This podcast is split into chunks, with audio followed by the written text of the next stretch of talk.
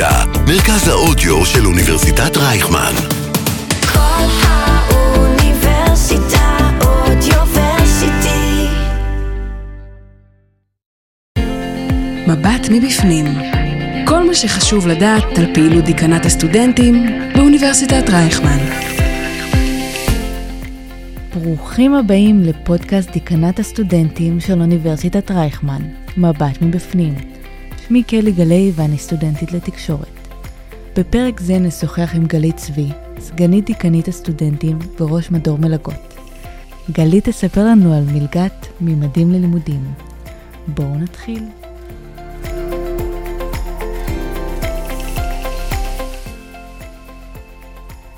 היי גלית, מה שלומך? אהלן, בסדר, התגעגעתי. גם אני, גם אני. אז בפרק היום אנחנו בעצם הולכות לדבר קצת על uh, מלגת ממדים ללימודים, נכון? נכון מאוד. אז אני אשמח ככה שתספרי לנו בעצם מהם תנאי הקבלה, uh, למי המלגה הרלוונטית, uh, כל מה שאפשר לדעת עליה, שיעזור לסטודנטים. טוב, אז מלגת ממדים ללימודים הוכרזה לפני מספר שנים על ידי הרמטכ"ל היוצא גדי איזנקוט. שהחליט uh, לקדם נושא של uh, הגעה לאקדמיה של חיילים משוחררים, בגלל זה זה נקרא ממדים ללימודים, במטרה באמת לעודד את החבר'ה להגיע ללמוד באקדמיה uh, ולא לחכות יותר מדי זמן, ולכן גם המלגה תחומה בזמן ממועד השחרור מסדיר, ובואי נדבר על זה.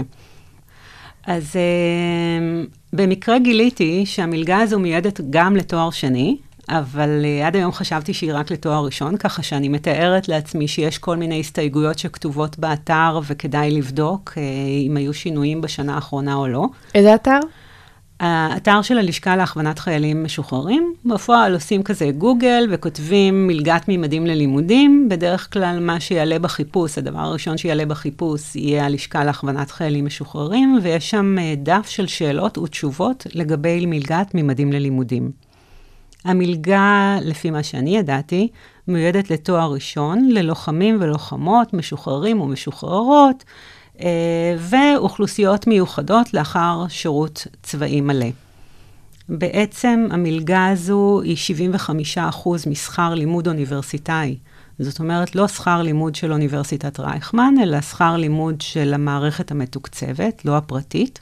נכון לשנת הלימודים הנוכחית, המלגה עמדה על בערך 8,100 שקלים, אה, והיא מיועדת ללוות סטודנטים בשלוש שנות הלימוד הראשונות שלהם, כשיש אה, שתי קבוצות עיקריות, שזה לוחמים ולוחמות בעלי תעודת שחרור בכבוד זהב, זה אומר שהשלימו את כל השירות הצבאי שלהם כראוי, והקבוצה השנייה נקראת אוכלוסיות מיוחדות. מה זה בעצם אוכלוסיות מיוחדות? אה, מורכב מארבע קבוצות. מי שקיבל uh, זכאות תשמ"ש, שזה אומר חיילים משוחררים שקיבלו סיוע uh, כלכלי לתשלומי משפחה להורים שלו. חיילים בודדים משוחררים שהוכרו כחיילים בודדים עד תום השירות הצבאי שלהם.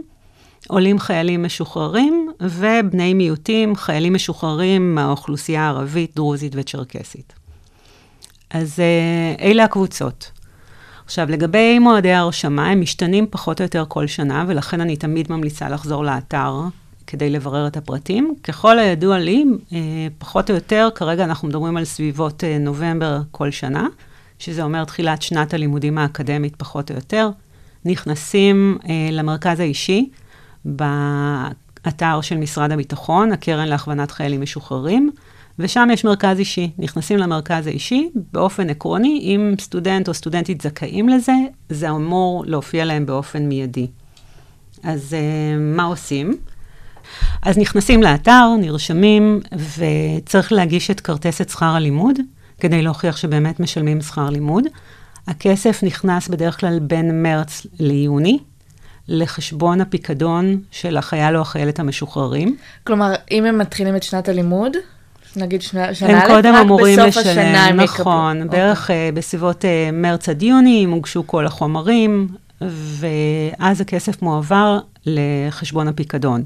זאת אומרת, אפשר לנצל אותו במיידי לתשלום שכר לימוד, פונים למחלקת שכר לימוד, מבקשים שינפיקו שובר אה, עם ברקו למשיכת הפיקדון, או לחילופין, כמו שאר הכספים שנכנסים לפיקדון, אפשר בתום חמש שנים מיום שחרור לסדיר, מסדיר למשוך את, את כל הכספים האלה.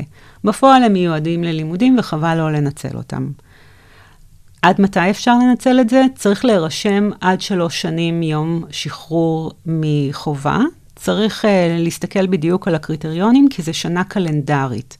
מה זה אומר? אנחנו נמצאים עכשיו באוגוסט 23, um, אז מי שישתחרר למשל במרץ 2020, יכול להתחיל עד אוקטובר 23 את הלימודים שלו, בשביל להיות זכאי. זאת אומרת, אם הוא התחיל באוקטובר 22, אוקטובר 21, אין בעיה.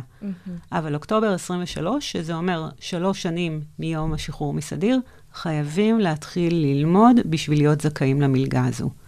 אה, היא מלווה במשך שלוש שנים, למעט בלימודי רפואה ואדריכלות, הנדסה וכדומה, אבל אצלנו באוניברסיטת רייכמן המלגה היא לשלוש שנים, כשצריך להגיש את הבקשה בכל שנה מחדש. אה, כל שנה מחדש. נכון. עכשיו, יש כפל מלגות, שזה מאוד ייחודי. יש לא מעט קרנות שמגבילות כפל מלגות. אני יכולה להגיד לך שמאות סטודנטים באוניברסיטת רייכמן מקבלים גם מלגות מאיתנו או מכל מיני קרנות חיצוניות, ובנוסף לזה, מימדים ללימודים. אבל צריך לשים לב, כי זה לא כל קרן שמאפשרת. כשמדובר בקרנות מתקציב המדינה, מתבצע סוג כלשהו של קיזוז. אני לא רוצה להיכנס לפרטים, כל ההסברים וההדגמות נמצאות באתר של הלשכה. זהו, מעולה. מעולה, גלית, תודה רבה לך. בבקשה. אני מודה לך שהגעת. תודה לך. לעונג. היה לי כיף להתארח. ביי. מבט מבפנים. כל מה שחשוב לדעת על פעילות דיקנט הסטודנטים באוניברסיטת רייכמן.